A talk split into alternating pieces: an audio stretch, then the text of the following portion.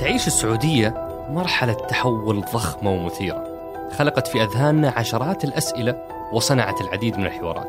أنا عمر الجريسي في بودكاست سقراط أنقل أسئلتكم وأضعها على طاولة قادة التحول.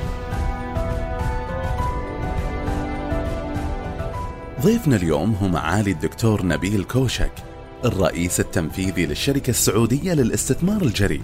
حصل ضيفنا على شهادة البكالوريوس في الهندسة المعمارية من جامعة أم القرى وأكمل دراساته العليا حيث نال الماجستير من جامعة كولورادو في مدينة دنفر والدكتوراه في تطبيقات الحاسب في العمارة والتخطيط من جامعة كارنيجي ميلون كما أنه حاصل على شهادات تدريبية من جامعات عريقة مثل هارفارد و Massachusetts Institute of Technology.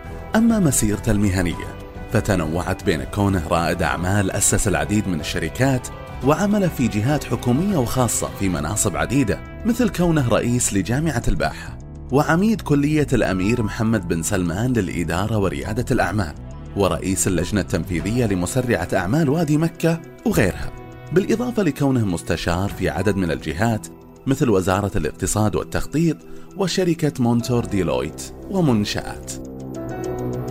نترككم مع حلقتنا اللي تأتيكم من شبكة مايكس للبودكاست في محورنا الأول تحدثنا عن الشركة السعودية للاستثمار الجريء كم رأس مالهم؟ وش أهدافهم؟ من يملكهم؟ وش علاقتهم ببرامج الرؤية؟ كيف طريقة عملهم؟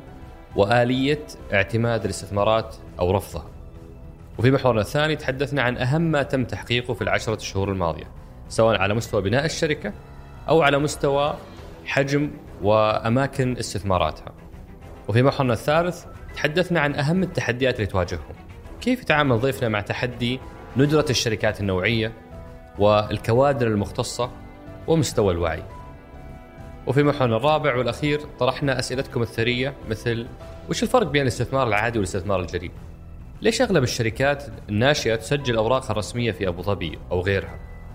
وكيف بيساعدون في سد الفجوة بين مرحلة النموذج الأولي ومرحلة استثمارات صناديق الاستثمار الجريء. وغيرها من أسئلتكم الثرية. أترككم مع الحوار.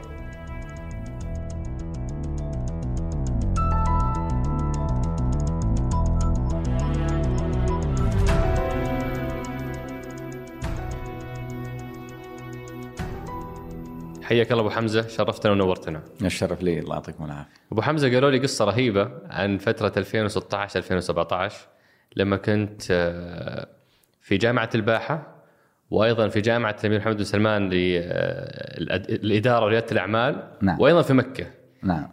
واحد من الاصدقاء قال لي قصة أول ما تصحى من النوم. أي نعم. وش كان يصير أول ما تصحى من النوم؟ آه والله كنت أصحى وأخذ لي ثواني عشان أعرف أنا موجود فين. ما بين ثلاث مدن. كنت يعني اسبوعيا بين الثلاث مدن. آه بالضبط. كم استمرت المرحلة هذه؟ حوالي سبع شهور.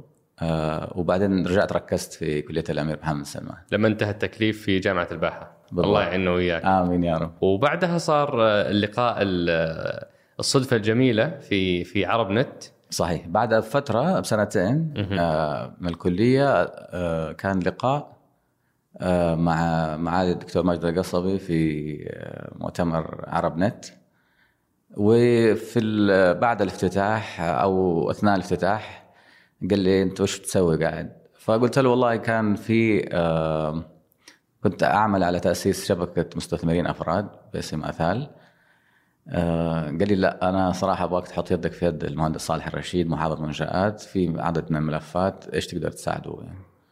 والتقيت مع المهندس صالح واتفقنا إني أخوض المهمة الجديدة ما شاء الله أبو عبد الله دائما عزم وحزم صحيح. ما شاء الله عليه صحيح ومن هنا ننط... يعني ندخل في محورنا الأول اللي هو محور من أنتم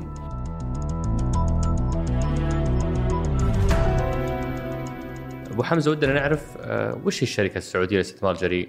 آه، لمن تتبع؟ من يملكها؟ وش أهدافها؟ كيف طريقة عملها؟ نعم لأنه آه، يعني رغم ما شاء الله شعبيتك الواسعه بين الشباب كثير منهم أصلا تفاجئوا انه عندنا شيء زي كذا. صحيح فوش قصة الشركة السعودية للاستثمار الجريء؟ طبعا هي باختصار آه، الشركة السعودية للاستثمار الجريء هي كانت مبادرة من هيئة المنشات الصغيرة المتوسطة وتم الموافقة عليها آه، وبامر سامي وهي ضمن آه، مبادرات تحفيز القطاع الخاص. ف من بعد ما تمت الموافقة على تأسيس هذا الصندوق اللي هو 2.8 مليار ريال للاستثمار في الشركات الناشئة القال- القابلة للنمو السريع والكبير. آه، سواء باستثمار مباشر وغير مباشر. آه، والمبادرة طبعا أخذت فترة على أخذ الموافقات والاستراتيجية وتم التأسيس تحديدا أسطول السجل التجاري في سبتمبر 2018 فكملتوا حتى الآن سنة وشهر. بالضبط. ككيان بالضبط. وتحت قيادتكم 10 شهور. بالضبط. أنا تعينت في آه، يناير. طبعا كان في الأخ آه، نائب المحافظ الأستاذ محمد المالكي آه، هو كان آه، مسؤول عن هذا الملف في منشآت تحديدا وعرض علي الخطه الاستراتيجية وبعدها وافقت. ووافقت لأسباب كثير. آه، منها إنه أنا لي عشر سنوات في عالم ريادة الأعمال ومحاولة دعم رواد الأعمال. وكنت في موقع آخر في من عشر سنوات في تأسيس آه، وادي مكة للتقنية. كنا كانت التحدي عندنا مختلف إنه كان في آه، نحاول نأسس شركات ناشئة من رحم البحث العلمي وابتكارات الطلاب والتدريس ومنسوبي الجامعة. آه، لكن ما كان في ذيك الفترة كثير مستثمرين بما يسمى في الاستثمار الجريء سواء الأفراد المسمى المستثمرين الملائكيين أو صناديق الاستثمار الجريء. في السنوات الأخيرة تحديدا صار في حراك في هذا الموضوع وهنا كان دور الدولة في تخصيص هذا الصندوق للاستثمار وتحفيز المستثمر في هذا القطاع. استثمار عالي المخاطرة فالدول في العالم آه، أنشأت برامج مماثلة وكانت دراسة صراحة أكدت على آه، النماذج اللي طبقت في دول كثيرة منها سنغافورة وبريطانيا ودول أخرى. وكان كيف دور الحكومة يكون محفز للمستثمر آه، المستثمر الخاص طبعا من القطاع الخاص سواء بالصناديق أو المستثمر آه، الملائكي بس أبو حمزة يعني مثلا لما نشوف أمريكا ولا بعض الدول النشيطة في الاستثمار الجريء ما نلاقي الحكومة فعالة في هذه المناطق، ليش إحنا مضطرين الحكومة بنفسها تجي وتدخل وتستثمر في هذا القطاع؟ آه، هو صراحة لا كان فيه الحكومات في العالم حتى في في, في أمريكا وحتى ال- إلى الآن. يعني حتى بدايات وادي السيليكون كان في الدعم الكبير اللي جاء من وزارة الدفاع للبحث والتطوير وهذا اللي كان أسس آه، شرارة. و- وبغير طبعا البيئة بجانبها المختلفة والجامعات والشركات الكبيرة وال... آه، لكن دائما حتلاقي ال- الحكومات آه، لها دور كبير في دعم هذا القطاع لأنه هو عالي المخاطرة في نفس الوقت هو مهم جدا لتنويع الاقتصاد و... ومن يملك اليوم الشركة السعودية للاستثمار الجريء؟ طبعا مرحليا الشركة وفقا للموافقة اللي تمت إنها تملكها شركة ثقة آه، لكن آه، يعني في المرحلة القادمة إن شاء الله حننتقل في مرحلة معينة إلى آه، أن نكون تحت مظلة آه، بنك المنشآت الصغيرة والمتوسطه اللي تمت الموافقة عليه والآن في طور التأسيس. ما شاء الله. هذا بنك غير بنك التنمية. بالضبط. يعني هذا برضو مبادرة اشتغلت عليها منشآت وفريق منشآت آه، باختصار أنه توفير حلول تمويلية للمنشآت الصغيرة المتوسطة والشركات الناشئة. فإحنا حنكون ضمن هذه المنظومة. جميل. وهمزة هنا يعني بالنسبة للمتابع من بعيد قد آه، يعني ما تكون الصورة واضحة له للفروقات بين الأدوار المتعددة لجهات كثيرة كلها بمسمى صناديق استثمار جريء. على سبيل المثال عندنا صندوق الصناديق. نعم. وهذا تحت ال PIF أو صندوق الاستثمارات العامة. صحيح. وعندنا استثمار من خلال SoftBank صحيح. صندوق رؤية SoftBank أو أو أو رؤية Vision Fund أو عفوا SoftBank Vision Fund آه، وعندنا شركة الاستثمار الجريء. آه، وعندنا الآن البنك. آه، كيف يعني وش وش الفروقات بينهم وكيف آه، يعني آه، نحتاج كل واحد منهم؟ نعم. بالنسبة للبنك المنشآت الصغيرة والمتوسطة إحنا حنكون أحد الحلول التمويلية اللي هو ال- الاستثمار الجريء. آه، في ال- ال- الحلول الإقراضية وتمويل الإقراض والتمويل الاستثماري بأنواع مختلفة كثير جدا. فإحنا حنكون جزء من هذه المنظومة اللي هو الاستثمار مقابل حصة أو الاستثمار أو ال equity financing للمنشآت آه، شركات الناشئة والمنشات الصغيره والمتوسطه فالبنك أيضا حيكون equity ما هو ما هو آه، إقراض؟ حيكون عنده حلول كثيرة وإحنا حنكون أحد الحلول ال equity investment جميل. equity financing أو الاستثمار مقابل حصة يعني.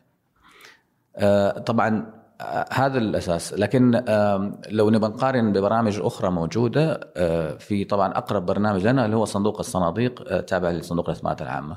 الفرق الأساسي والجوهري إحنا نركز في على الشركات في المراحل الأولية وما يسمى مرحلة ال- ال- البذرة وال- وال- وال seed وال- ويسموه المراحل الأولية ال early stage أكثر وهم يركزوا أكثر على المراحل المتقدمة من نمو الشركة ومنها كمان الملكية الخاصة.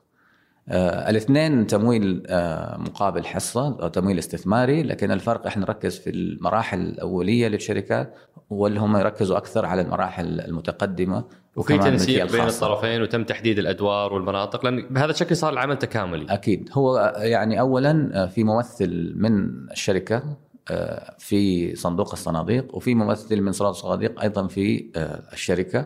وعندنا تموي آه، ت- تواصل يعني شبه أسبوعي آه، كيف إحنا دائما نكمل آه، بعض. وبعض الصناديق اللي استثمرنا فيها كنا استثمرنا معهم بالمشاركة يعني. هم. كانوا مشاركين في الاستثمار في بعض الصناديق اللي دخلنا فيها. أو هم دخلوا الصندوق بعد إحنا لح- لحقناهم يعني. جميل. وبعض بعض الناس كتبوا لي يقولون هذه وظيفة الأحلام. إن يكون عندك 2.8 مليار. صحيح. مهمتك تنفقها. صحيح. آه، في سوق بحجم سوق السعودية اللي لسه صغير. إلى أي مدى هذه مهمة صعبة وتحتاج شركة وفريق و... صحيح. هو طبعا آه، يعني أنا في في مراحل آه، عملية مختلفة مريت بتجارب مختلفة وكنت أسست عدد من الشركات سابقا وأيضا كنا دائما مشكلتنا كيف تجيب فلوس وتعمل مبيعات وتحقق آه، هذا الآن المختلف.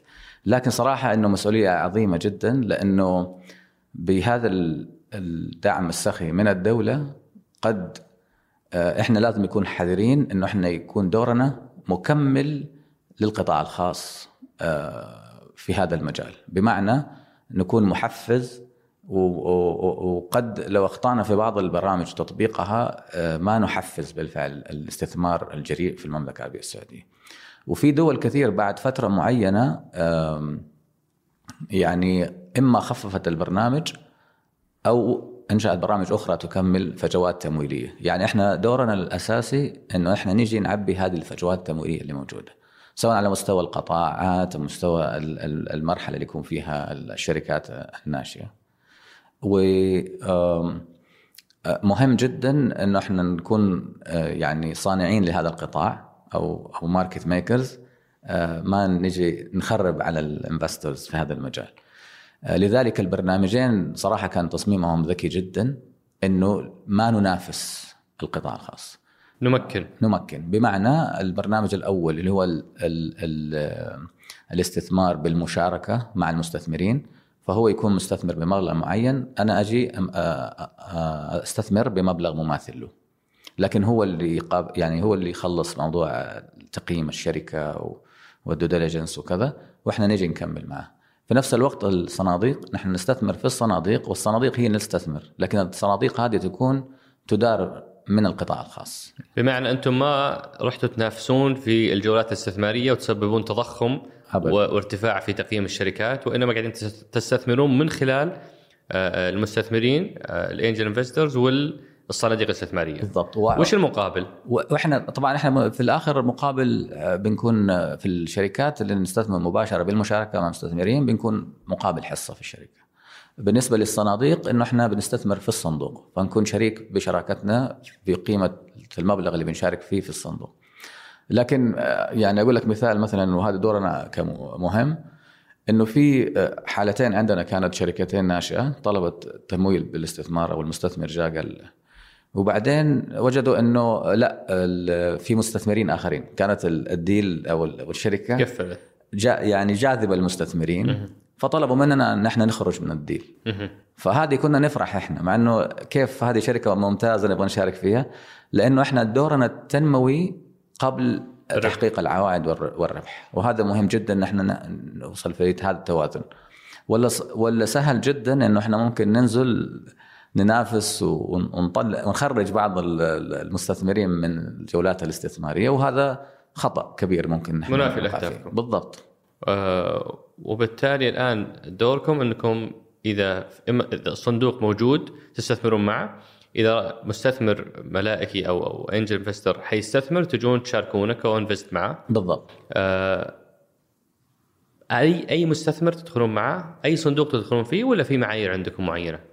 طبعا بالنسبة للاستثمار في الشركات الناشئة آه، يعني اولا لازم تكون الشركة آه، موجودة في السعوديه آه، أو زي ما أقول المقر الرئيسي أو ال headquarters يكون لازم في السعودية. آه، لأنه البرنامج آه، دعمه جاي من وزارة المالية وجزء من برامج تحفيز القطاع الخاص.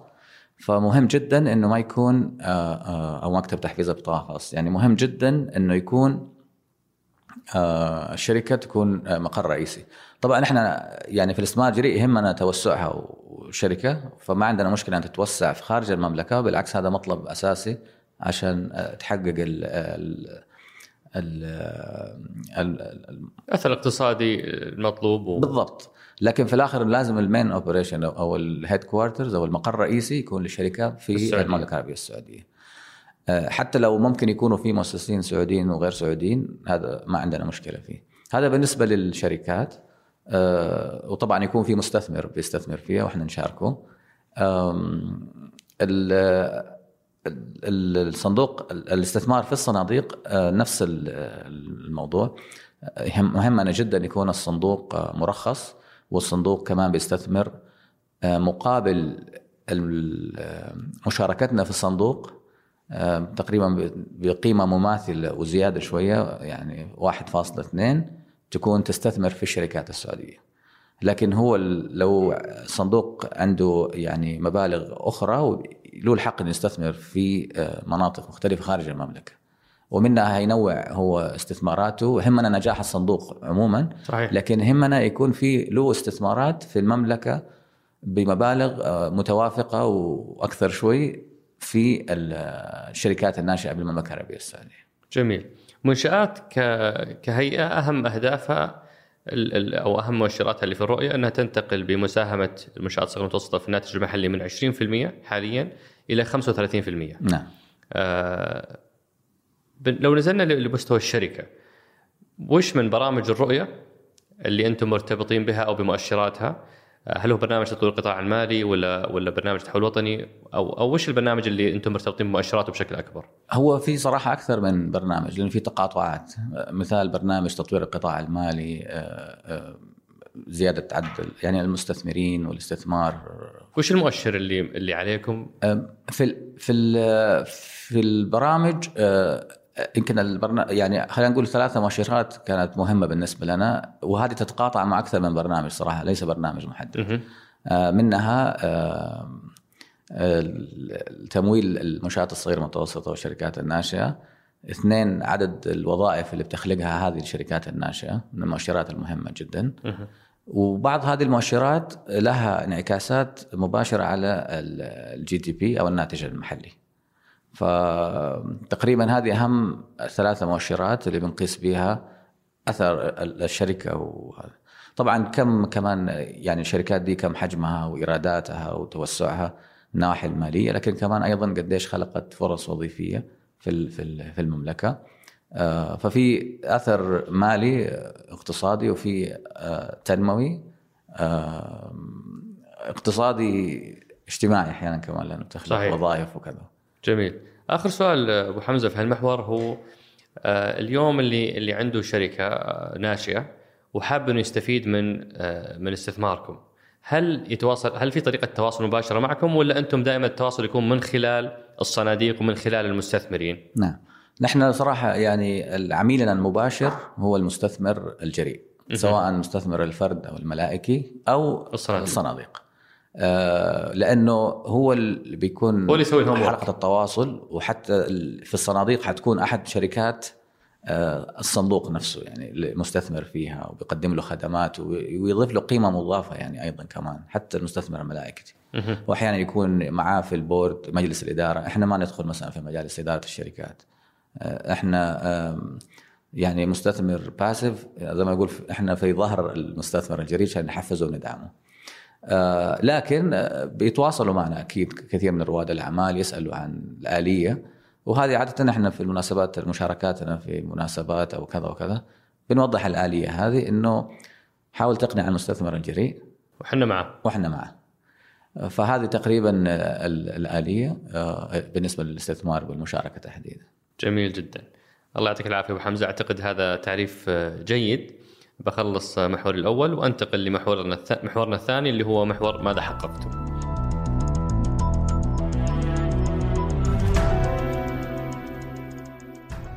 أبو حمزة إحنا نتكلم عن شركة تحت يعني حديثة التأسيس عمرها يعني يا دوب سنة وشهر آه، فودي أسمع منك وش اللي تم تحقيقه على صعيدين صعيد تأسيس الكيان ولوائحة ومعاييره وفريق عمله وعلى مستوى الاستثمارات اللي تم تنفيذها بالأرقام. جميل. آه، آه، وش اللي تم؟ جميل.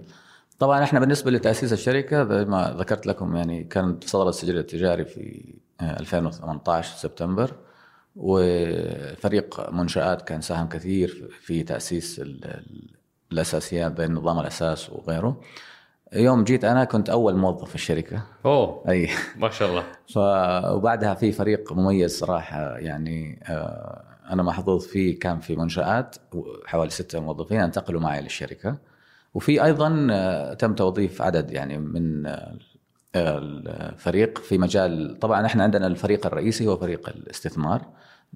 آه، حوالي سبعة موظفين الآن. والباقي طبعا كان الفريق المكمل يعني له علاقة بالناحية القانونية الإدارة القانونية عندنا المالية.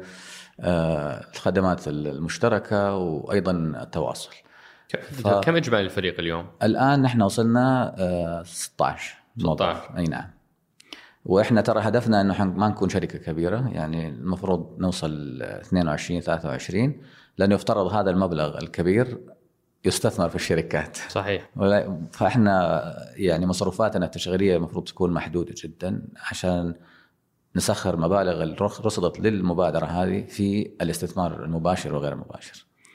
آه هذا من ناحية طبعا يعني إلى الآن الحمد لله انتهينا من اللوائح والأنظمة و ما يتعلق بالموارد البشرية الموارد المالية سياسات الاستثمار هل هي اليوم مكتوبة ومحوكمه نعم. بشكل صراحة واضح؟ سياسات الاستثمار آه، يعني كانت أسست مع الاستراتيجية من قبل صدور السجل التجاري يعني أه. قبل أخذ الموافقة آه، من اللجنة الوزارية والمقام السامي.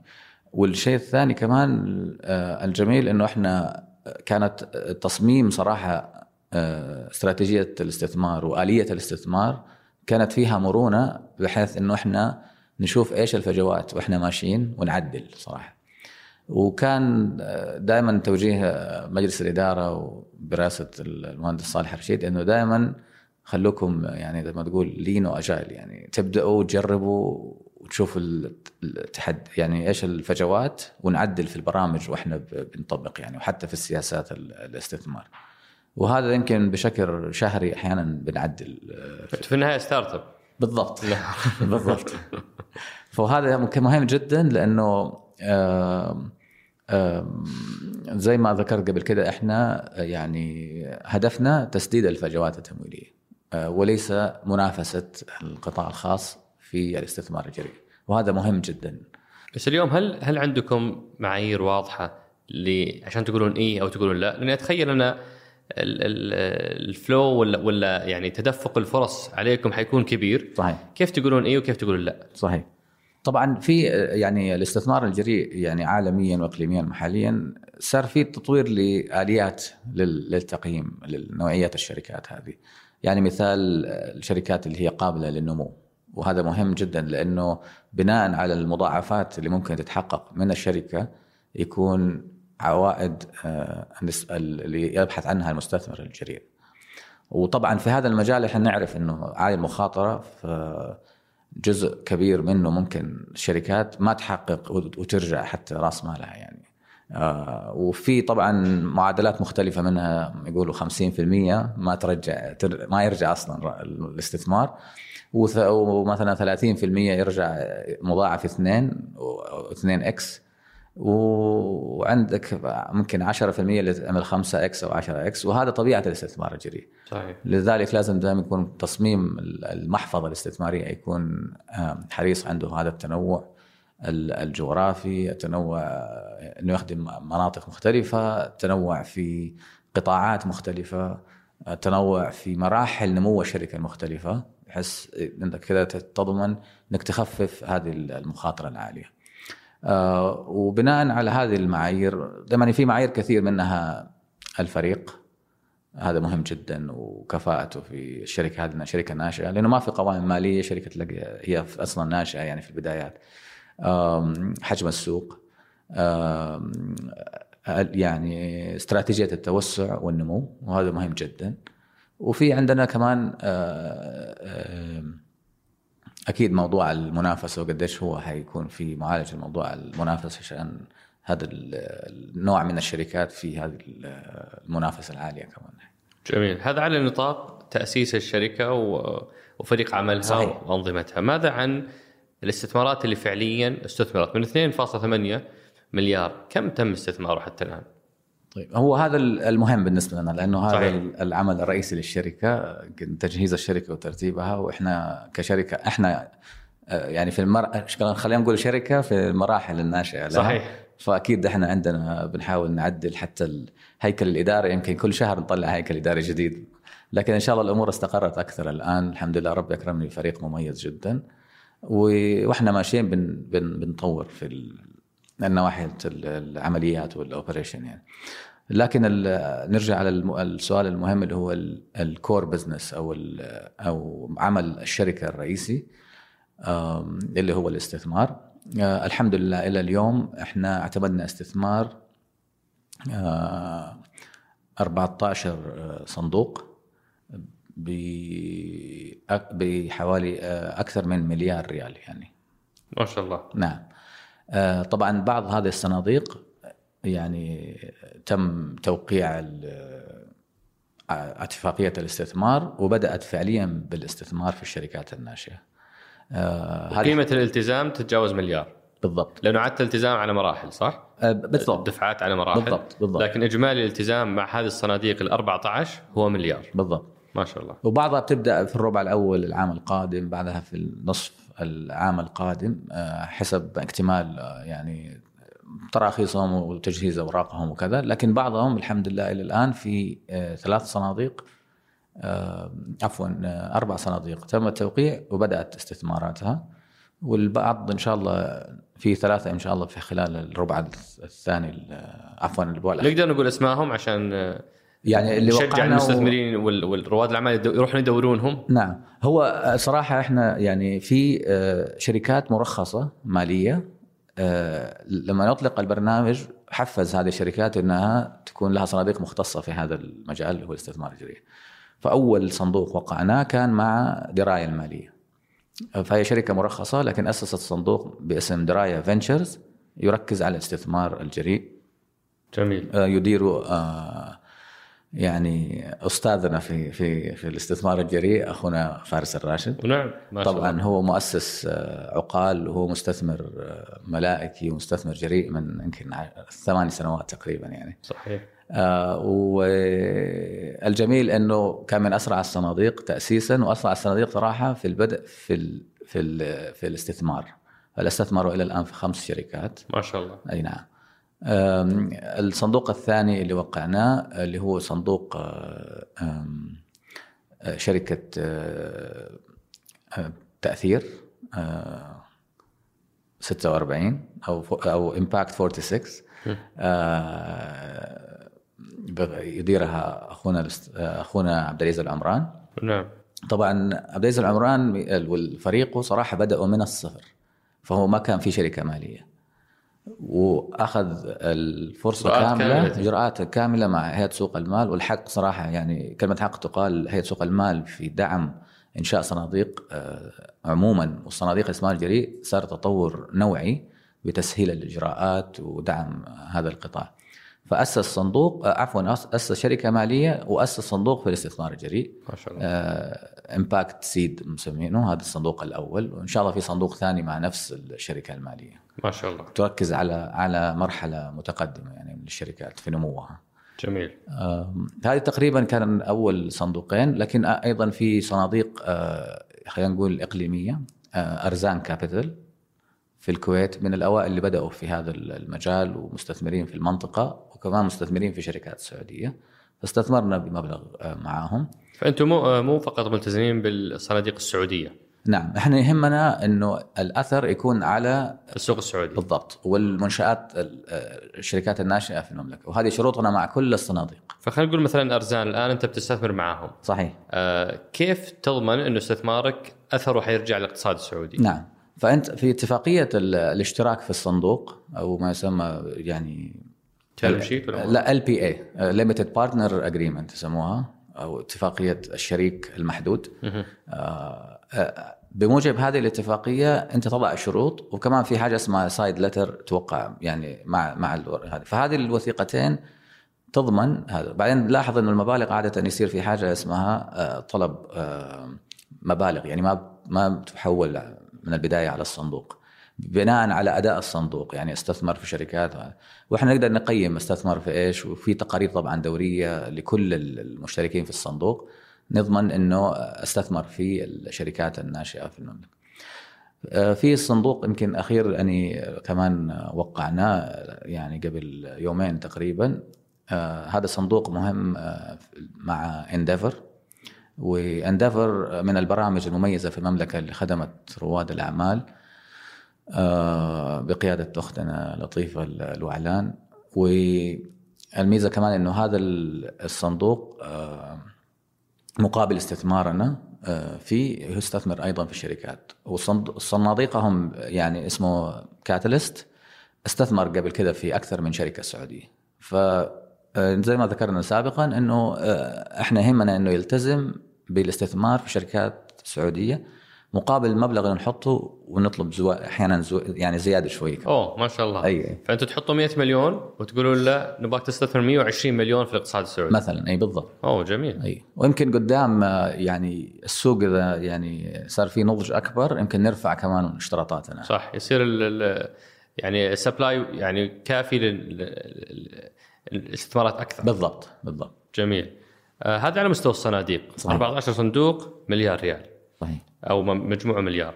ماذا عن الاستثمار مع ال- المستثمرين الملائكيين؟ نعم. طبعا الاستثمار ال- اللي هو مباشر بالشراكة مع المستثمرين آه، إلى يعني هذا الأسبوع تقريبا استثمرنا آه، كمبالغ آه، بحوالي 27 مليون ريال في أكثر من آه، 21 شركة. آه، وهذه طبعا اللي هي زي ما ذكرت الاستثمار المباشر بالشراكة مع المستثمرين. وفي البدايات إحنا صراحة فتحنا شوية مستثمرين ملاكيين وأيضا كمان بعض الصناديق. إلين الصناديق تتحرك إذا تحركت غالبا حنركز الفترة القادمة آه، أكثر على المستثمرين الملاكيين في المراحل الأولية وراحل المسمى البذرة أو السيد. نعم. وبعد كده الصناديق اللي استثمرنا فيها تكمل ال- ال- الرحلة. آه، ودائما بنحاول صراحة نرجع نشوف من من الفكرة إلى التخارج. فين الفجوات التمويلية؟ ونحاول نقدم آه، برامج آه، تغطي هذه الفجوات. يا سلام. آه، طبعا آه، أيضا اللي في مبلغ مماثل اللي هي الصناديق اللي تحركت أيضا وصلنا معهم إلى حوالي 24 مليون. هذه يعني خلاص ديبلويد زي ما يقولوا أو استثمرت في الصناديق. فهذا تقريبا المباشر وغير المباشر حوالي 50 مليون تقريبا. آه، خلال اللي هي نزلت السوق وتم استثمار فيها فعليا وصرفت على- في الشركات الناشئة هذه. 50 مليون. 50 مليون تقريبا هي آه و- ولو ن- يعني لو بسأل هنا أبو حمزة آه كيف تقيسون أثر هذه الاستثمارات وتتابعونها؟ نعم. آه في ظل انكم باسف أو أو مستثمر غير فع يعني غير فعال. نعم. طبعا بالنسبة للاستثمار المباشر بالمشاركة مع المستثمرين آه، في اتفاقيتنا في الاستثمار آه، يكون في آه، طلب يكون في تقارير دورية ربع سنوية واحيانا شهرية عن الشركات وفق معايير معينة نحتاجها لأنه إحنا كمان لازم نرفع تقارير لمكتب تحفيز القطاع الخاص يتابعوا إيش أثر هذا البرنامج. البرنامج الثاني اللي هو الاستثمار في الصناديق أيضا بموجب لاتفاقيه الشراكة في الصندوق دائما بنطلب إنه يكون آه، في آه، تقارير أيضا دورية من مدير الصندوق فهو يكون مسؤول وفي الاتفاقية إنه هو دائما ومع مدراء الصناديق المهمة أسهل لأنهم أصلا مطالبين بتوفير التقارير لكل المستثمرين صحيح. لكن هو التحدي في الاستثمار مع المستثمرين الملائكيين لأنه يعتمد على جهده الشخصي. صحيح. لكن برضو إحنا يعني حتى المستثمرين الملائكيين مرحليا آه، لأنه في بعض الدول يكون في اعتماد يعني آه، اعتماد يكون معتمد يعني المستثمر. آه، ومعولين إن شاء الله في المرحلة القادمة مع الجمعية السعودية للاستثمار الجريء والملكية الخاصة يكون في آلية كمان يعتمدوا المستثمر الملائكي. أوه جميل. وهذا الاعتماد حيساعدنا كثير في يعني خلينا نقول فلترة أو اختيار المستثمر المناسب آه، اللي ممكن يستثمر معاه لكن مرحليا صار في قرار في شركة من تأسيسها إنه حنعتمد على شبكات المستثمرين الأفراد مثل شبكة عقال, عقال. بالضبط وبرضو عقال الآن يعني الحمد لله صار فيها فريق يعني كمان يعني بقيادة الأخت لطيفة بنصر. دورها الأساسي الآن إنه إحنا مع فريقنا المسؤول عن الاستثمار بالملاكه عفوا بالمشاركة بالمستثمر الملائكي نسهل آلية الاستثمار نفسها. آه، من طلب الطلب نفسه وهنا تصير شبكات الاستثمار عفوا المستثمرين الملائكيين أو مجموعات المستثمرين الملائكيين يكون لها دور في اختيار الشركة وتقييمها واليه الاستثمار وأيضا ال term sheet اللي بيتوقع بين المستثمر. هذا حيوفر كثير عندنا من الوقت. مرحليا يعني هذه تقريبا الآلية وهذه الممارسة اللي موجودة إنه شبكات ومجموعات بتقوم مقام مدير الصندوق للمستثمرين الافراد جميل. جميل جدا. أه وش أهدافكم لعام 2020 آه، من حيث آه، مجموع الاستثمار أو عدد الاستثمارات أو أي أهداف واضحة ومحددة بالنسبة لكم. صحيح. آه، يعني بالنسبة للصناديق حنستمر إحنا في نفس التوسع. أعتقد كمان في المرحلة القادمة حنركز شوية على الصناديق اللي تخلق شركات ناشئه بمعنى أو ما يسمى بال deal flow creation programs بمعنى صناديق تكون جزء منها يسموها venture studios و... بالضبط. في منها يسموها أحيانا startup studio venture builder startup factory في مسميات مختلفة. بمعنى إنه الصندوق آه، يكون مرتبط معاه برنامج فهو يستثمر في هذا البرنامج. فحيكون حريص على إنه الشركات اللي تكون متخرجة من هذا البرنامج هو اولا مستثمر فيها من اليوم الأول ثانيا إنه يحقق نجاحها فحيجيب لها أفضل المرشدين أو المساعدين أو أو هذا إنها تنجح وفي نفس الوقت حيتابع نجاحها لأنها حتكون ضمن شركاته في في الصندوق. جميل. آه ويقدر يستثمر فيها في جولاتها الاستثمارية اللاحقة بعد انتهاء من مشاركة في البرنامج. وهذه ترى موجودة في العالم كله يعني معظم المسرعات وتحديدا مسرعات الأعمال وأيضا خلينا نقول اللي هي ال startup studios أو أو استوديوهات الشركات الناشئة إن صح التعبير أو الترجمة إنها آه، تكون آه، يعني مدعومة أو من مستثمر جريء. اولا هو آخذ مخاطرة فحريص إنه البرنامج يكون نوعي حريص إنه تكون شركات ناشئة نوعية يعني تكون جاذبة للمستثمر الجريء. وبعد ما يتخرج البرنامج سواء الصندوق نفسه ممكن يستثمر وفي نفس الوقت المستثمرين صناديق الاستثمار الأخرى والمستثمرين الملائكيين ممكن يستثمروا في الجولات المختلفة هذه. ف... فهذا البرنامج حيبدأ من العام القادم هو جزء من برنامجنا وهو برنامج الاستثمار في الصناديق بس مهتمين إنه يكون في أكثر من صندوق يعني آه، طبعا إحنا بالنسبة لاستراتيجيتنا للعام القادم الآن صراحة ودنا نرجع نراجع إيش سوينا إلى الآن لكن ما تحددت صراحة معنا أرقام okay. آه محددة آه لكن الهدف باختصار إنه إحنا نزود آه ثلاث أرقام من الناحية المالية اللي هو الأرقام اللي بالفعل المبالغ اللي استثمرت في الشركات أو ما يسمى بال deployed amount والمؤشر الثاني اللي هو الصناديق اللي تحركت بالفعل وأنهت إجراءاتها وبدأت تستثمر. وأيضا كمان آه، عدد آه، وحجم الاستثمار اللي هو المباشر بالشراكة مع المستثمرين. والحمد لله إحنا صراحة الآن يعني في الصناديق يعني صح اعتمدنا 14 بس عندنا 17 طلب صندوق جديد. ما شاء الله. أيوه فحتى عندي فريق التسويق أقول لهم أو التواصل أقول لهم خففوا شوي اللعب. حدوا اللعب شوي ما شاء الله. الحمد لله يعني الحركة اللي كبير في وقت قياسي الحمد لله أي أيوة والله. يعني ربي أكرمني فريق مميز وانطلقنا الحمد لله ما شاء الله. ودعم كبير صراحة يعني من مجلس إدارة ومن منشآت آه، اللي كانوا وراء هذه المبادرة. الشيء الثاني إنه الاستثمار اللي مهم بالنسبة لنا كمان إنه يكون في تنوع في الصناديق.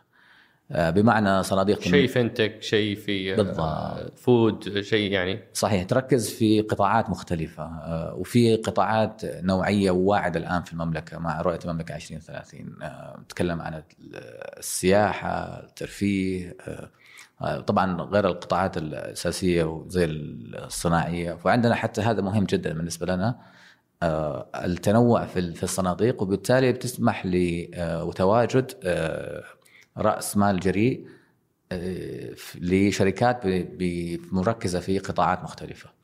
اثنين إنها تكون متنوعة إنها تكون في أي مرحلة. ففي صناديق حتركز في المراحل البدايات والأولية للشركة أو ما يسمى بال seed أو ال early stage وفي شركات في صناديق حتركز على ال later stage وهنا يكون مهم جدا إنه هذا التنوع إنه في في القطاع في في المراحل المختلفة يكون في صناديق. وأنتم تساعدون في في تحديد الفجوات وإرشاد الناس لها؟ بالضبط. حتى ما يكون كل الناس راحت لمنطقة واحدة ولا لقطاع واحد؟ بالضبط. وعادة يعني الحمد لله كمان الآن بنحاول إحنا كل نصف سنة في تقرير يمكن الكل اطلع عليه. التقرير الأول نعم. ما شاء الله. هذا طبعا تقرير عن الاستثمار الجريء في المملكة وليس فقط استثماراتنا يعني. صحيح. عموما.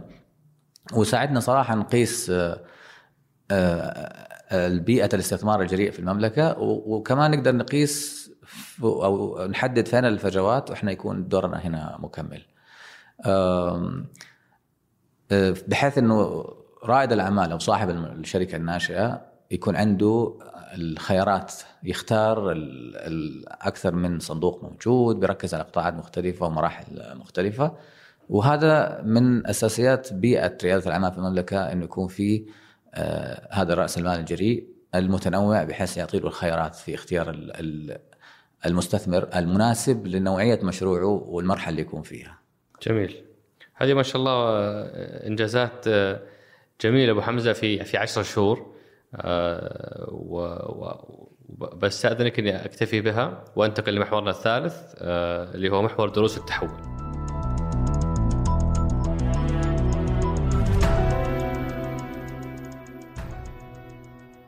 أبو حمزة أنا عندي علاقات كثيرة مع المستثمرين اللي الفعالين في في موضوع الاستثمار الجريء. نعم. وقاعدين يتكلمون عن نقلة نوعية هائلة صارت في الثلاث سنوات اللي فاتت في في هذا العالم. آه هذا التحول الكبير أكيد فيه تحديات وفيه يعني آه عقبات قاعدة تواجهكم فودي أسمع منك وش أكبر ثلاث تحديات تواجهكم اليوم في هالرحلة نعم آه طبعا هذا لأنه آه قطاع يعني الحراك اللي سي اللي صار فيه بهذا التوسع ودعم الدولة آه إنه جديد يعتبر سواء جديد للرائد الأعمال اللي بيبحث عن المستثمر الجريء المناسب له أو للمستثمر الجريء نفسه سواء ال angel investor أو المستثمر الملاكي أو المستثمر صناديق الاستثمار الجريء. فمهم جدا أنا أعتقد تكثيف يعني آه، موضوع رفع الوعي ببرامج آه، توعوية وتعليمية.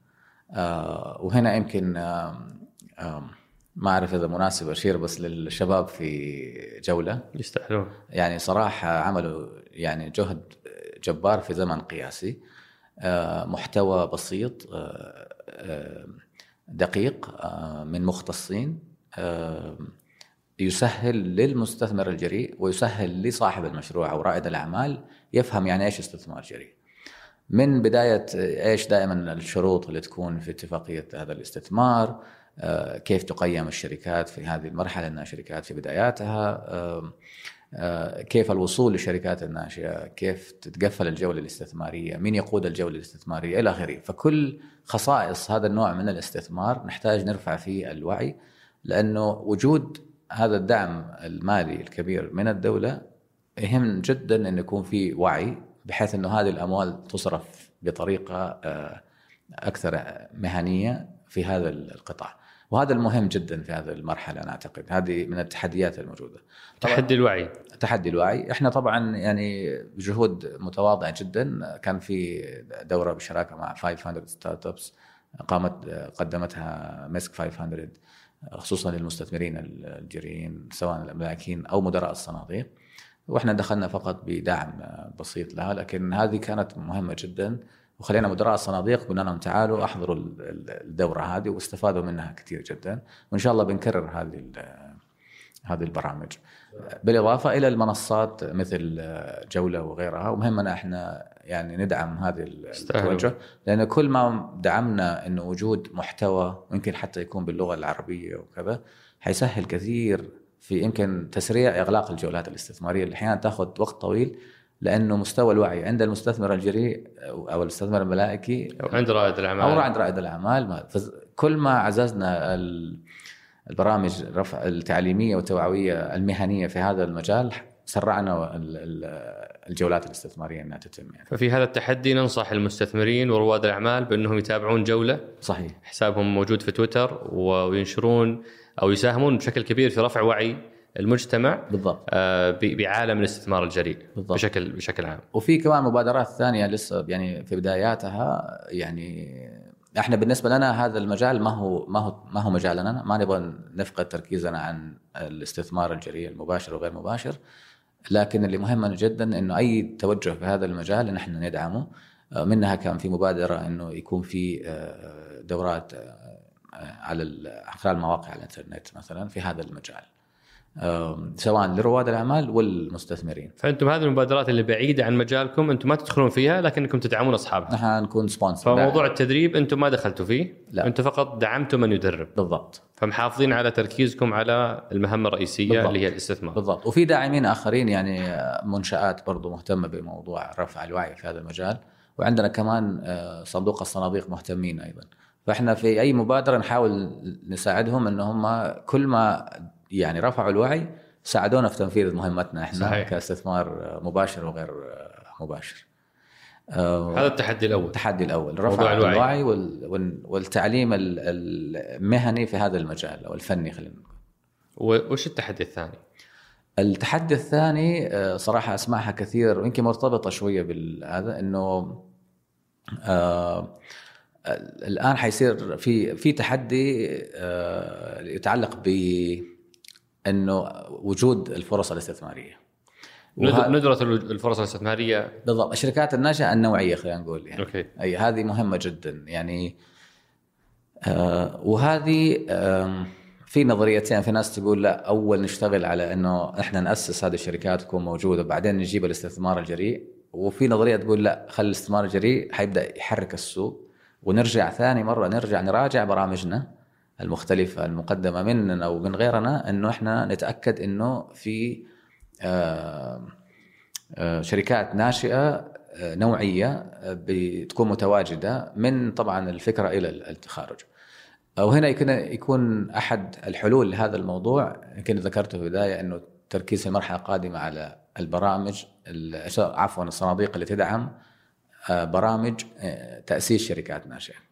اللي هي اللي مرتبطة صندوق يدعم مسرع صندوق يدعم آه، آه، استوديو آه، شركات ناشئة. هذه حتساعد كثير انه وهذه دائما يعني مع فريق العمل في الشركة بنحاول نراجع برامجنا ونشوف فين الفجوات هذه بحيث إنه إحنا يكون في توازن ما بين توفر رأس المال الجريء وأيضا وجود الفرص الاستثمارية النوعية من الشركات آه، الناشئه. فعلا هذا اسمعها أبو حمزة كثير يرددونها موضوع ندرة الفرص. صحيح. آه بالذات النوعية. صحيح. أبو حمزة أنت عملت فترة طويلة في آه في جامعة أم القرى في شركه وادي التقنية. صحيح. و وكنتوا تعملون على إطلاق شركات، وش الشيء اللي كان يمنعكم أنكم تكونون أو تنتجون أو تطلقون شركات نوعية تجذب المستثمرين؟ صحيح هو يعني ليش عندنا هالندرة؟ آه، الندرة أولا قديش يكون المستثمر الجريء هو شريك في هذه البرامج هذا مهم جدا في فترات معينة ما كان في أصلا مستثمر يعني ملاكين محدودين جدا صحيح. والصناديق كانت كلها في بداياتها يعني من خمس سنوات خلينا نقول أو ست سنوات لكن في يمكن افتكرت قصة كذا حصلت يعني بعد ما تعينت في الشركة السعودية اسمها الجريء آه، دعيت فريق الاستثمار سألتهم سؤال قلت لهم إيش الشركات اللي اعتمدتوا من خلال لجنة الاستثمار في الشركة عندنا الاستثمار فيها؟ فقالوا لي لوسيديا. ولوسيديا طبعا بقيادة أخونا عبد الله عسيري وحاتم الكاملي والفريق رواد نعم. العم ومازن العباري أظن معهم كمان. ال- الفريق هذا كانت هذه لوسيديا كان عبارة عن مشروع بحثي في جامعة أم قرى وبعدين في وادي مكة دعم وتحول لشركة ناشئة و... أوه هذه أجل من الأشياء اللي آه، بالضبط. زرعتها هناك واليوم جيت هنا بالضبط. تسقيها. بالضبط. أوه جميل يعني سبحان الله أول ما جيت سألتهم قالوا استثمرنا في شركة واحدة وكان اللي هي في الاستثمار المباشر وكان- فهذه قبل ما أنت تجي. قبل ما أجي يعني مو بواسطة منك بالضبط حتى الشباب قالوا اي واسطة لسيدي قلت. لجنة استثمار قررت الاستثمار. فكنت صراحة يعني مرة مرة سعيد وفخور ذاك اليوم إنه سبحان الله شيء زرعناه في قبل أربع سنوات آه، وخمس سنوات وما كان في مستثمرين. الآن تحصل على استثمار آه، جريء. ما شاء الله. آه، وال ال- فأنا أعتقد هذا التوازن مهم جدا إنه تكون في آه، برامج مثل المسرعات أو الحاضنات وكذا. آه، وإنها آه، يوازن كمان ال- الإنفاق على البرامج دي بالتوازن مع وجود رأس المال الجريء في الصناديق وفي الاستثمار الجريء، هذا التوازن مهم جدا في البيئة عشان نكون إحنا آه، هذا. وبعدين أنا أتوقع السوق يعني بالطبيعي طالما البرنامج ما يتداخل هو يحفز القطاع الخاص آه، حيكون في تصحيح طبيعي وحتجي فترات حصلت ترى في العالم كله حتى في أمريكا في جات فترات آه، إنه في في كابيتال أو في رأس مال كثير وبعدين لسه شركات وبعدين رجعت ثاني من برامج هذا بس هذا التوازن آه، مهم إنه يكون آه، موجود وإيش التحدي الثالث؟ أعتقد التحدي الثالث هو آه، وجود مختصين في هذا القطاع. من من تقصد بالمختصين؟ المختصين سواء مدراء الصناديق آه، سواء اللي يعني أنا أتكلم من آه، ال- خلينا نقول يعني ال- ال- القدرات البشرية في هذا المجال يعني ومنها من محلل آه، استثمار إلى مدير صندوق طبعا هذا السلم فيه من محلل إلى associate إلى مدير إلى director أو كذا. ال levels المختلفه في أي في هذا. فهذه أعتقد فيها آه، آه، في تحدي كبير المرحلة الجاية. وهنا مهم جدا إنه آه، يكون في برامج آه، فيها تعليم آه، في ممارسة. آه، إحنا الحمد لله بشراكة مع مسك في الصيف الماضي. آه، آه، كانوا في حوالي ثمانية متدربين آه، من طلاب تخصصات لها علاقة بالمالية والاستثمار وكذا تدربوا معنا. وأنا أعتقد نحتاج نكثف كثير. آه، إحنا داخليا عندنا في الشركة حريصين جدا على موضوع البرامج التعليمية لمنسوبي الش- الشركات خصوصا فريق الاستثمار. لأنه قطاع جديد وواعد وفي دعم كبير. مهم جدا يكون عندهم وعي. هم حيتعاملوا مع كل رأس صناديق اللي بنستثمر فيها. صحيح. حيتعاملوا مع مستثمرين ملاكين. فهم كان عندهم وعي حيساعدوا نشر هذا الوعي في السوق بتواصلهم مع من خلال البرنامج. في المحصله إنه وجود ال ال ال الكوادر البشرية المؤهلة في هذا القطاع حتساهم في تنمية هذا ال- القطاع.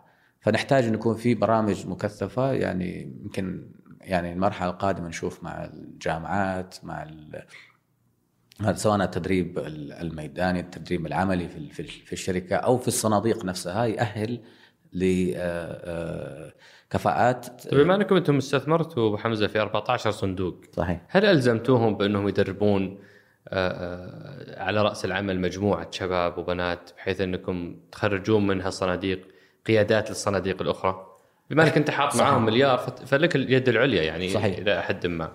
هو أول شيء إحنا نبدأ معهم بمدراء الصناديق نفسهم إنه لازم يكون في آه، مدراء آه، يعني حتى لو في مدير آه، سعودي وغير سعودي باعتبار يحتاج خبرة في البداية لكن هم يعني معظم الصناديق صراحة اللي قائمين عليها الآن خاصة اللي في المملكة هم سعوديين. وإحنا بنشوف معاهم إنه أصلا حريصين هم على توظيف كفاءات هذه لأنه خاصة هذا المجال مجال الاستثمار الجريء في التواصل المباشر مع رائد الأعمال. رائد الأعمال. صحيح. فكل ما كانوا يعني أصلا من بيئة البيئة نفسها حي... المجتمع المجتمع حيسهل كثير آه، اولا الوصول للشركه الناشئه والفرصة الاستثمارية. اثنين إنه آه، يسرع عملية آه، إغلاق ال- الاستثمار والجولة الاستثمارية تحديدا. جميل. وفي العشر شهور هذه أبو حمزة لو بقول لك وش أهم درس تعلمتوا فيها وش بيكون؟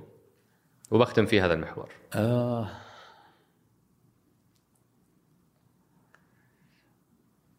يعني هي في مقولة أنا في أكثر من محطة سواء في جامعة من قرى وادي مكة وفي جامعة الباحة وكلية الأمير محمد سلمان. والمحطات الأخرى اللي كنت فيها أنه يعني آه، فكر كبيرا و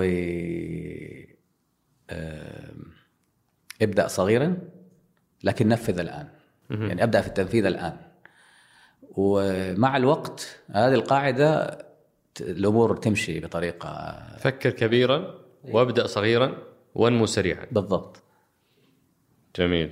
يعني حتقول لسه وكيف والأنظمة والبيئة والتحديات يعني لا أبدأ وترى معليش يعني نخطأ. يعني هذا الحراك الكبير اللي صاير في المملكة آه، يعني لتحقيق رؤية المملكة 2030 ترى أكيد في تحديات وفي حتكون في أخطاء طبعا أخ- ونحن تعلم بالضبط ونحن نتعلم ونعدل وهذا أحسن ما تقعد تقول لا لا إحنا لازم يكون عندنا استراتيجية وآلية تنفيذ واضحة 100% وبتتأخر في تنفيذ المبادرة.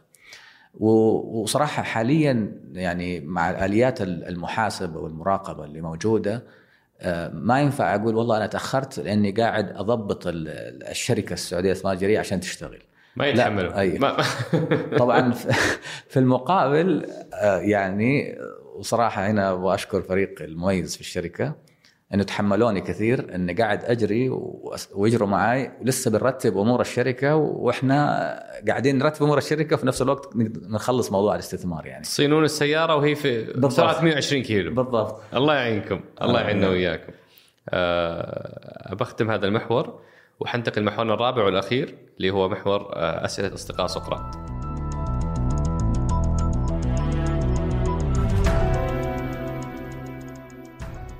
أول شيء أبو حمزة أنا يعني لازم أسألك عن السر. ما هو معقول إنه ولا ولا سؤال واحد ولا ملاحظة واحدة سلبية؟ يعني آه، ما شاء الله تبارك الله أنت مريت بعدة محطات وكل من يطرح سؤال من تلك المحطة يذكرك بالخير ويتكلم عنك بإطراء عجيب. فأول شيء أغبطك على محبة الناس وتقديرهم لك. وبعد كذا حدخل في السؤال الأول اللي تكرر كثيرا.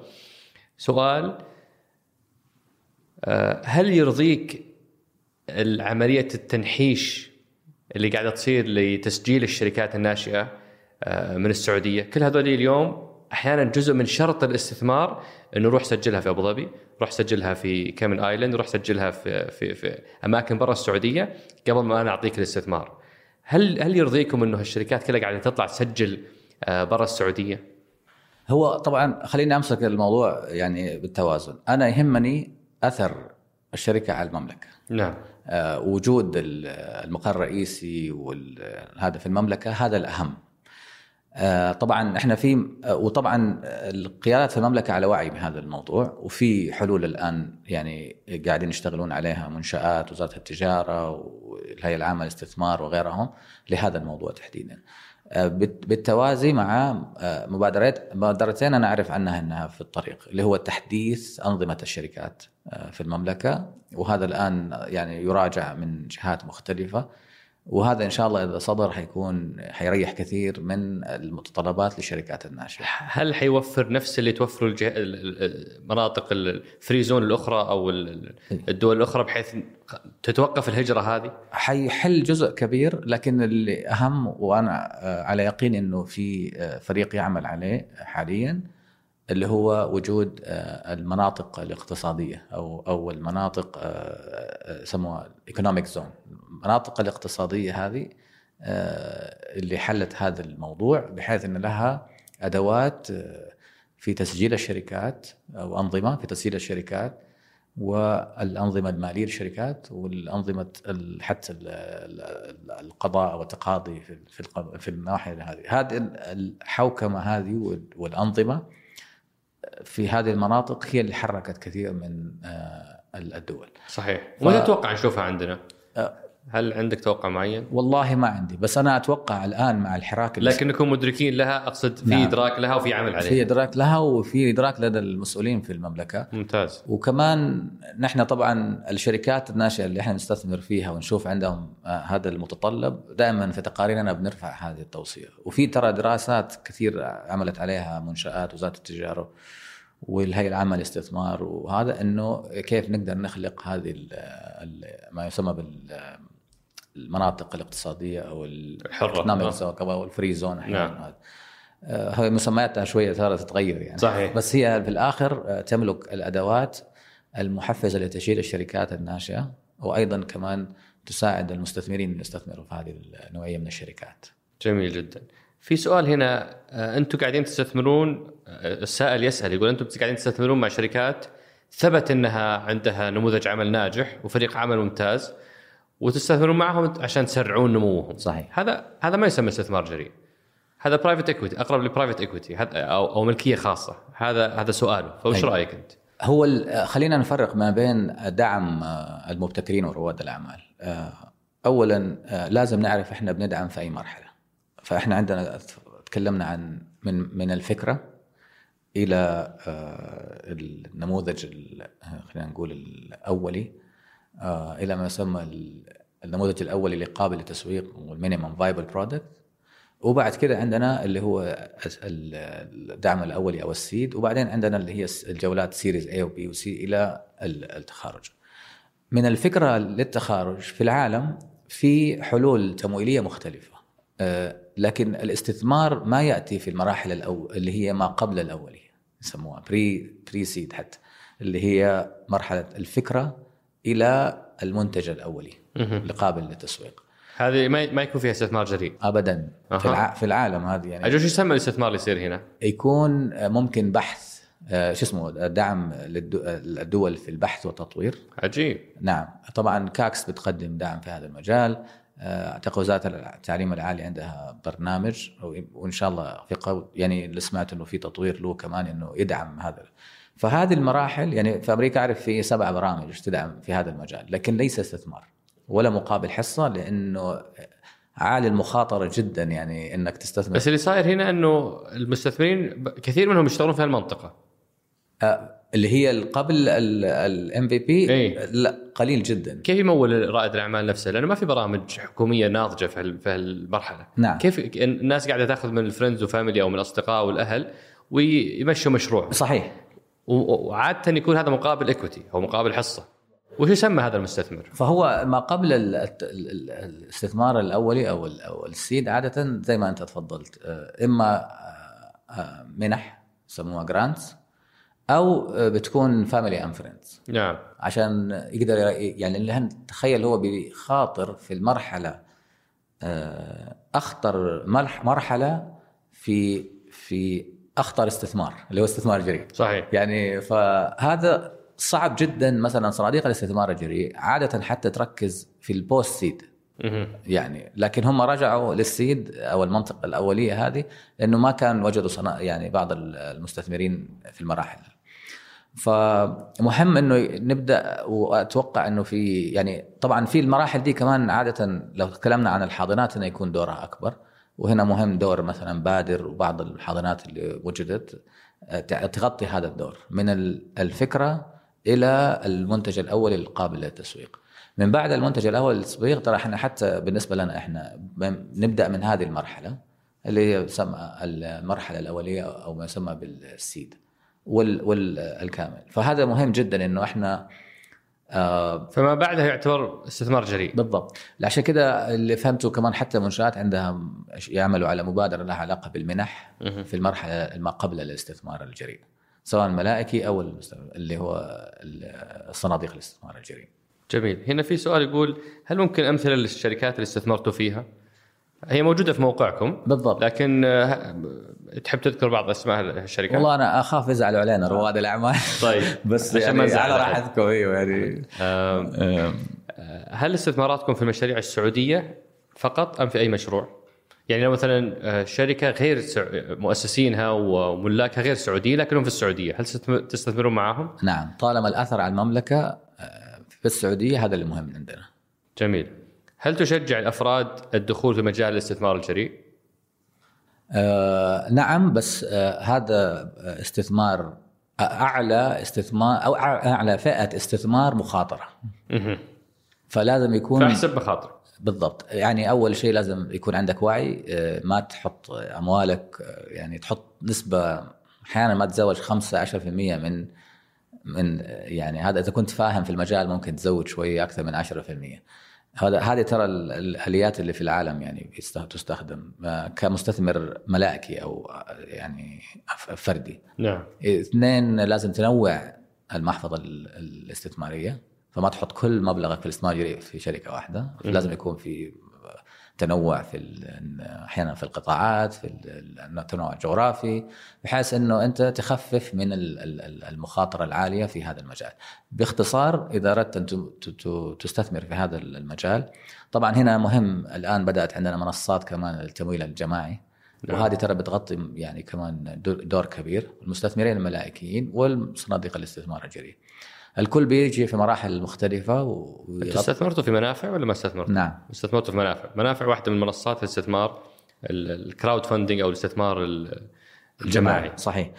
آه, آه، طبعا ذكرت يمكن لوسيدي يعني استثمرنا فيها. ما شاء الله. آه استثمرنا في قيود وهي منصة للبرنامج محاسبي يستفيدوا كثير منه. أنا استخدمه صراحة وجيد جدا. يعني الشباب استثمرت في نون أيضا. استثمرنا لا نون نعم نون, نون اكاديمي أكبر استثمارين كان خلينا نقول جولة استثمارية حصلت العام آه، النصف الأول كنا شريك مستثمرين فيها. نون ونعناع. نون ونعناع بالضبط. ما شاء الله. نون آه، منصة تعليم إلكتروني أو تقني ونعناع منصة آه، أو أو منتج طلبات تموينية. صحيح صحيح. جميل. في ناس حاطين عينهم على 2.8 مليار أبو حمزة. يقولون هل نقدر نستثمر معاكم؟ وأنتم تستثمرون لأن بما أنكم أنتم مستثمرين مستثمرين هل تفكرون يوم من الأيام تفتحون باب نعم. الناس تستثمر معكم وأنتم فند في النهاية. صحيح. لا إحنا إحنا عشان آه، نكون واضحين إحنا يعني آه، ما ما نستقبل أموال للاستثمار في أموال الغير. أه. ليش؟ لأنه إحنا صندوق صناديق أساسا زائد الاستثمار المباشر فإحنا إذا أنت مستثمر ملائكي أو فرد ممكن تستثمر بالمشاركة معنا. أوكي. إذا أنت حابب تدخل في صناديق الاستثمار الجريء روح له مباشر روح له مباشرة لأنه عادة كل صندوق إحنا بنموله إلى حاليا إلى 65% ما شاء الله. لكن عنده 35% هو يضع نسبة والباقي عبارة عن مستثمرين يشتركوا في الصندوق. فإحنا بكل يعني رحابة صدر حنقول لهم تعالوا هذه الصناديق اللي استثمرنا فيها روحوا استثمروا معاه مباشرة بالضبط تواصلوا مع هذا خصوصا اللي يكون ما هو متفرغ ما هو ما عنده يعني فكرة تأسس صندوق وما عنده الخبره في المجال فنقول له تعال استثمر في هذه الصناديق. جميل. آه، بشكل عام هل طبيعي إنه الصندوق الاستثماري يستثمر في شركتين متنافسات؟ آه، طبعا إحنا لأنه آه، مستثمر يعني passive يسموه investor يعني إحنا مستثمر ما بندخل في مجلس إدارة وما بندخل في هذا. فإحنا وضعنا مختلف خاصة في الأنجل. طبعا في الصناديق كل صندوق هو محفظته الاستثمارية من من الشركات الناشئه هو له بيحط خصائص وآليات الاستثمار وهذا. وإحنا بنعتمدها وبنستثمر في الصندوق. لكن في كثير بالفعل من الصناديق ما تفضل انها يكون في منافسين.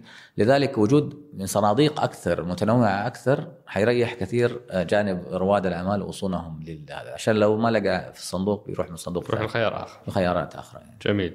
أه هنا شخص يعني يطلب نصيحتك بحكم خبرتك يقول كيف أقدر أحصل على استثمار آه، من رأس مال جريء؟ أنا نعم. أنا صاحب شركة أو أو مشروع ناشئ. كيف أجذب هذه رؤوس الأموال؟ جميل. أول شيء لازم تعرف أنت في أي مرحلة من آه، نمو المشروع. هل أنت في مرحلة الفكرة؟ أقول له روح حاضنة أعمال أو أو برنامج يساعدك تطور النموذج. وصلت للنموذج الأول اللي قابل للتسويق آه، ممكن تروح مسرعة أعمال وتستثمر فيك. أو آه، تبدأ تتخاطب مع المستثمرين الملائكيين لأن أنت في مرحلة البذرة أو النمو. آه، عفوا البذرة أو الأولية دي. آه، لو أنت لا مشروعك وصل لمراحل متقدمة توصل. فمهم تعرف القطاع اللي أنت شغال فيه ومين الصناديق المستثمرين اللي تركز فيه. مهم تعرف أنت في أي مرحلة من نمو الشركة فبالتالي تستهدف إنك توصل للمستثمر اللي يستثمر في المراحل اللي أنت مرحلتك الشركة فهذه هذه اللي مهمة. وأفضل شيء صراحة إنه هو التواصل مباشرة مع المستثمرين. سواء إذا كان مستثمرين ملائكيين عندك شبكات الاستثمار اللي ذكرناها عقال وغيرها وعندك بالنسبة للصناديق اللي موجودة على موقعنا اللي استثمرنا فيها أو الصناديق اللي ما استثمرنا فيها. في الآخر نحن يهمنا نجاحك يعني. صحيح.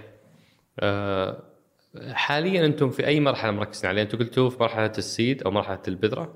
إحنا بنركز على مرحلة ال seed أو البذرة وكمان المراحل يسموها ال early stage اللي هي بعد البذرة اللي هي Series A وخلينا نقول B و C تقريبا يعني ال later stage طبعا تبدأ على طول C و D وكذا وكذا. بس إحنا صراحة بالنسبة للصناديق حاولنا ننوع. بعضهم حيركز في المراحل الأولية وبعضهم حي المراحل المتقدمة في نمو الشركة. جميل. هنا واحد شكله شكله يعني هذا سؤال من تحت الحزام يقول هل يوجد استثمار غير جريء؟ نعم. يعني طبعا هو لا يعني السؤال آه، يعني في خلينا نقول في واقعي أو منطقي يعني هو كل استثمار في نسبة من الجراءه لكن هو أعتقد كمان التحدي كان في الترجمة. نعم. تحدي ال venture capital مرة يسموه المغامر مرة جريء صحيح. لكن أكيد كل استثمار هو فيه مخاطرة خلينا نقول. لكن هذا النوع من الاستثمار هو أعلى فئات الاستثمار يسموها أو ال asset classes في الاستثمار العالي المخاطره لو قارنا مثلا بالمشروع العقاري الاستثمار في العقار أقل شيء إن عندك أصل. أصل موجود. صحيح. فعلى الأقل يعني رأس مالك موجود. تروح تبيعه ترهنه تسوي شيء. ممكن ينزل يطلع سعره. لكن هذا المجال تخيل أنت بتستثمر آه، واحد يقول لي يعني على خاصة التطبيقات ولا يقول عاد تستثمر في هواء. ما في شيء يعني تمسك فيه. لكن بتستثمر في فريق بتستثمر على الفرصة النمو اللي اللي بتشوفها في المشروع. باعتبار السوق كبير وشايف نمو الشركة فأنت بتستثمر صراحة في المستقبل أكثر من واقع الشركة وتاريخها السابق.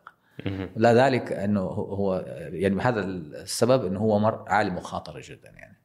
آه هنا في سؤال وش القطاعات اللي تتوقع لها نمو أكبر في السنوات القادمة؟ وليش تركيزكم فقط على القطاعات التقنية؟ نعم. آه طبعا إحنا ما في شيء يلزمنا انه نركز فقط على التقنية، آه إحنا نستثمر في آه في يمكن عندنا يعني بعض المشاريع ما كانت تقنية أقلهم لكن هي التقنية الآن دخلت في كل المجالات تقريبا. والتقنية هي ممكن للشركات القابلة للنمو السريع. والاستثمار الجريء يقوم على الاستثمار في الشركات القابلة للنمو السريع. المتسارع هذا والكبير. آه، باعتبار أنت بتستثمر بحصة وما بتستني أرباح لمدة سنين يمكن ثلاثة خمسة سنوات سبع سنوات. لكن أنا استثماري بيعود علي بالمنفعة أو الفائده لما يكون الاستثمار نفسه يحقق أرباح بنمو آه، قيمة حصتي في الشركة وهذا ما يتحقق يعني بيتحقق كثير في الشركات المرتبطة بالتقنية عشان كذا كان موضوع التقنية آه، والشركات التقنية يكون أساس في هذا المجال. بس وش القطاعات اللي أنت شايف يعني آه، فيها فرص نمو واعدة؟ إحنا طبعا يعني عشان أكون آه، شيء طبقناه اللي هو الصندوق اللي سويناه مع نساند هذا في القطاع الصناعي. آه، آه، مع مع شركة سابك آه، لتحفيز أيضا الاستثمار في طبعا هذا في في جدل هل هل يسمى استثمار جريء أو venture capital ولا هو growth capital يسموه؟ نعم. أو آه، آه، تسريع نمو. اي بالضبط. آه، لأنه في اختلاف بين ال- المجالين. لكن إحنا بالنسبة لنا في لما صدر الأمر السامي بالمبادرة والموافقة والهذا إنه دائما التركيز على الشركات الناشئة والمنشآت الصغيرة المتوسطة. فإحنا في صناديق حتركز على الاستثمار الجريء على المخاطره وبعضه مرتبط حيكون بالتقنية وفي كمان اللي هي شركات والمنشآت الصغيرة والمتوسطة اللي تحتاج آه، تمويل آه، استثماري وليس إقراضي. وهذه الفجوتين إحنا بنحاول آه، نغطيها الآن. جميل. هنا في سؤال آه هناك فجوة بين ال MVP وال آه وال VC هو الفلت أو أو من سي, سي يعني من سيملأ الفجوة بين مرحلة النموذج الأول القابل للتسويق وصناديق الاستثمار الجريء. مين مين اللي يعبي الفجوة اليوم هذه؟ طبعا عالميا آه، المستثمر الملائكي وطبعا يمكن family و friends يعني أو أصدقاء والأهل. آه، وعادة يكونوا هم في المرحلة دي. إحنا اللي بنحاول نسويه الآن آه، يعني من خلال الشركة السعودية ومن خلال شراكاتنا مع المستثمرين الملائكيين وصناديق الاستثمار الجريء إنه نب... ودنا يعني وحتى مع لجنة الاستثمار دائما عندنا نقاش هذا. ودنا إنه كل مستثمر يكون في موقعه آه، المناسب عشان يعزز آه، تواجد المستثمر في المراحل اللاحقة. حتى تكتمل السلسلة كاملة. بالضبط. من يعني الفكرة إلى التخارج. ففي المنح وأعرف في مبادرات تعمل على هذا المجال ما قبل ال MVP, MVP عادة يا أما تروح لمسرعه أعمال وطبعا مسرعه اعمال يكون مدعومة بمستثمر فحيستثمر فيها. و... وكمان ال- الأهل والأصدقاء وكمان موضوع الانجل انفسترز لذلك مهتمين جدا فرح المرحلة القادمة تعزيز آه، إيجاد آه، مجموعات أو شبكات آه، استثمار آه، ملائكي أكثر متنوعة في مناطق مختلفة في المملكة يساعد ال- الاستثمار في هذه المرحلة الأولية. ونحتاج يعني كعدد آه، آه، يعني وكم كمي وكيفي أكثر من آه، الملائكي يعني خلينا نقول المحترف. اللي يقيم يضيف قيمة مضافة غير ال- ال- الفلوس اللي بتندفع في الشركة والاستثمار فيها يا سلام وهذا حيعزز وجود فرص استثمارية للصناديق في المراحل اللاحقة من الاولي اللي هو Series A إلى ال later stage أو المراحل المتقدمة في النمو ممتاز هنا في واحد معصب مرة يقول آه، وش رأيك في تقييمات الشركات الناشئه في السعودية؟ تدخل عليهم ثلاثة موظفين عندهم website ما بعد سجلوا حتى السجل التجاري ويقول لك 5 مليون دولار. إيش رأيك في تقييمات الشركات؟ طبعا آه، هذه يعني المبالغات آه، في التقييمات آه، بتصير في أماكن كثير في العالم حتى في يعني أمريكا واوروبا وشرق آسيا وكذا وكذا. أنا أقول في الآخر مهم صاحب المشروع والمستثمر الملائكي أو صاحب أو الصندوق الاستثمار الجريء هم يتفقوا على القيمة المناسبة. آه، ونرجع على ال- الكلام اللي بدأناه في بداية اللقاء لما كنا تكلمنا عن الوعي. ترى رفع قيمة الشركة في المراحل الاستثمار الأولية يضر في الشركة للمراحل الاستثمار في الجولات اللاحقة. لأن يبان نموها بطيء جدا. آه، مو بس كده ما حتكون في فرص لدخول مستثمرين. آه. فيوم تقيمها بقيمة عالية وتكون دخل مستثمر في المرحلة الأولية ما حيكون في مساحة لمستثمرين آخرين. وعندنا أكثر من حالة يعني لشركة بتعاني من هذه المشكلة. فلازم يكون في وعي عند رائد الأعمال أنه تقييمك العالي للشركة والمبالغ فيه حيضرك في جولاتك الاستثمارية. إذا هدفك تأسس شركة آه، تنمو لمراحل متقدمة وتاخذ تحصل على جولات استثمارية آه، مختلفة عشان توصل بقيمة عالية جدا يكون مجزية للمستثمرين مهم إنه تعرف أنت في أي مرحلة وما يكون في مبالغات في الاستثمار. وهذا الوعي كمان مهم كمان عند المستثمر الملائكي ومدراء الصناديق الاستثمارية أو الصناديق الاستثمار الجريء إنه كيف نقيم الشركات نفسها اللي بهذا النوع. تكلمنا عن الفريق ال- ال- حجم السوق هو في أي مرحلة إيش خطط التوسع والنمو. كل هذه المعايير آه، مهمة لتقييم ال- ال- الشركة الشركة. فالتقييم المبالغ فيه حيضر صاحب المشروع أكثر من يضر المستثمرين في المراحل اللاحقة يعني. وهذا جزء من رفع الوعي اللي اللي محتاجينه. مهم جدا يعني هذا مهم جدا والوعي عند الطرفين. صحيح. آه، هنا في سؤال يتكلم عن محدودية جهات التمويل أو المستثمرين في مراحل التمويل المتأخر. نعم. آه، جولات C و D و E صحيح. وبعد ذلك. آه، هل أنت شايف هذا المشكلة؟ هو الآن أعتقد في عندنا ثلاث صناديق موجودة تركز في هذه المرحلة. منها اس تي في مثلا؟ اس تي في مثلا. آه، وهم كمان كانوا يقولوا فترة يعني ما هم لاقين آه، شركات وصلت لهذه المراحل. صح. آه، أنا أعتقد إنه إحنا لازم يكون في توازن ما بين تواجد الشركات الناشئه النوعية القابله للاستثمار في مراحل المختلفة للجولات الاستثمارية وكمان إنه يكون في صناديق تركز على مراحل مختلفة من الشركة وهنا نعطي خيارات للمستثمرين نعطي خيارات لرواد الأعمال الأكبر وأكثر آه، سؤال قبل الأخير ما هو الفرق بين الاستثمار الجريء والملكية الخاصة؟ ال- طبعا في فروقات كثير آه، لكن خلينا يمكن نقول اولا بالنسبة للاستثمار الجريء ما تتوقع منه عوائد سنويه.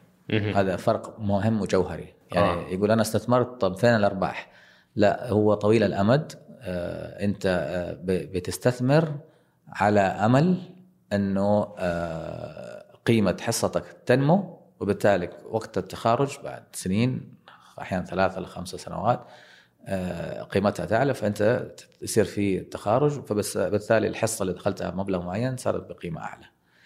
لكن لا تنتظر أرباح سنوية وكذا، بعض الشركات ممكن تكون فيها أرباح يعني توزع تو توزيعات أرباح، لكن مو كل الشركات. وهذا من أهم فوارق الملكية الخاصة، الملكية الخاصة عادة لا. يعني خاصة اللي تكون شركة مستقرة. بالضبط. يعني يكون فيها عوائد من اللحظة الأولى. بالضبط. وفي نفس الوقت كمان إنه ال- الاستثمار جريء في المراحل الأولية. الملكية الخاصة في مراحل متقدمه جدا من الشركة ونموها. جميل. هنا في سؤالين بنختم فيها أبو حمزة. بعيدا عن عملك آه، هنا في سؤال عن عملك الحالي. في سؤال هنا لماذا ركز في إدارة جامعه الباحة على تخصص الأعمال و- وهل شاهد نتائج إيجابية لذلك؟ آه، هو أنا ما ما ركزت على تخصص الأعمال لأنه كان في كليات في 14 كلية في جامعة ال- الباحة. آه، أنا بس حاولت أحرك ملف ريادة الأعمال. ليش؟ يوم صدر يعني آه، الأمر الملكي والثقة الملكية اللي حظيت بيها كثير ناس قالت هذا جاي له سبع سنوات من وادي مكة لازم يقدم شيء ل آه، في. ليجاسي بالضبط. ثقيل إيه. فحرصنا على تأسيس مركز رياده الأعمال في جامعة الباحة وكان القرار ده صدر في أول أسبوع تعينت فيه. ما شاء الله. اي و لكن ما اغفلنا الجانب التعليمي والكليات والعمادات والانتقال للمقر الجديد واعطاء الأولوية للقبول لأبناء المنطقة وكان في الحمد لله يعني دعم كبير من سمو أمير المنطقة الأمير حسام. آه، يعني أنا كنت حظيت بهالتجربة النوعية كانت صراحة. ما شاء الله. لكن آه، ما كان تركيز على التخصص لأنه ريادة الأعمال هي لا ليست تخصص لأي كلية. نعم. آه، ولذلك المركز كان مستقل يخدم أي طالب في أي تخصص. ما كانت فقط إدارة الأعمال. لا ابدا. السؤال الأخير هنا يعني السائل يقول أول شيء أهنيك على اختيار الضيف. من الآن أقول لك راح أحفظ الحلقة حفظ ومن كثر ما أعيدها. طلب للضيف. وليس سؤال. أتمنى أنه يعمل كتاب عن مسيرته. هو صرح عظيم ومخزون غني. أتمنى من كل قلبي أتعلم منه الكثير. آه، فهو يعني يثني عليك كثيرا وهو جزء من كل كثير يثنون عليك وممتنين لرحلتك. فهو يقترح يقول بما أنك يعني ما شاء الله مريت بالرحلة من من من يعني أقصد بداية فكرة الشركات وخو يعني في في وادي مكة إلى اليوم التمويل والاستثمار في هذه الشركات، فأنت مريت بالرحله كاملة ففي تجربة ثرية، هل تفكر انها إنك تنقلها على شكل كتاب أو توثقها في كتاب؟ أو اولا ما ما أعرف إذا التجربة يعني مو هذا مو تواضعا إنها تسوى إنها توثق. يعني أنا لسه ما وصلت للقناعة هذه وهذا اللي يمكن اللي مأخرني. أنا الرحلة يمكن أطول من كذا أول شركة أسستها تقنية أثناء دراستي للدكتوراه ما شاء الله ف... وين كانت هذه؟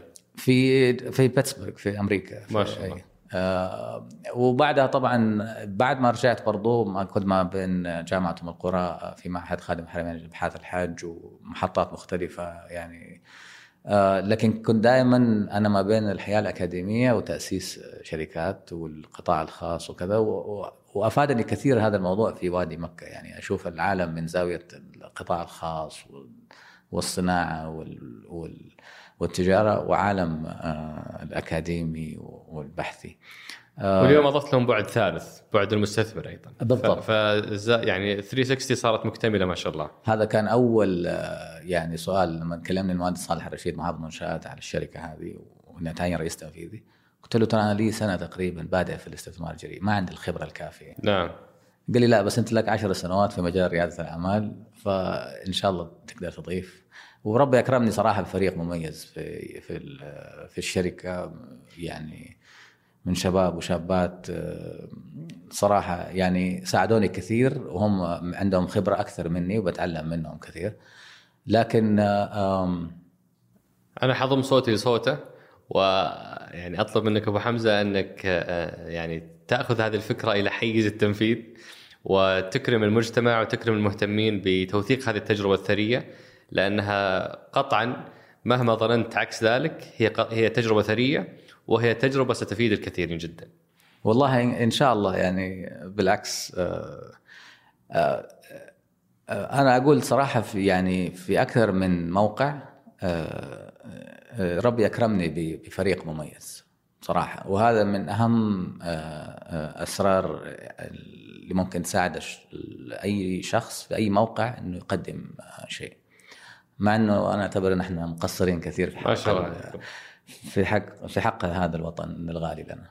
الله يعطيك العافية أبو حمزة، أنا ممتن جدا لوقتك ولقبولك الدعوة وشاكر لك آه، هاللقاء الجميل. لا أبد واجبي وشكرا على هذه الفرصة وإن شاء الله أكون قدمت يعني محتوى مفيد. ما قصرت، شكرا جزيلا لك. تسلم الله يبي.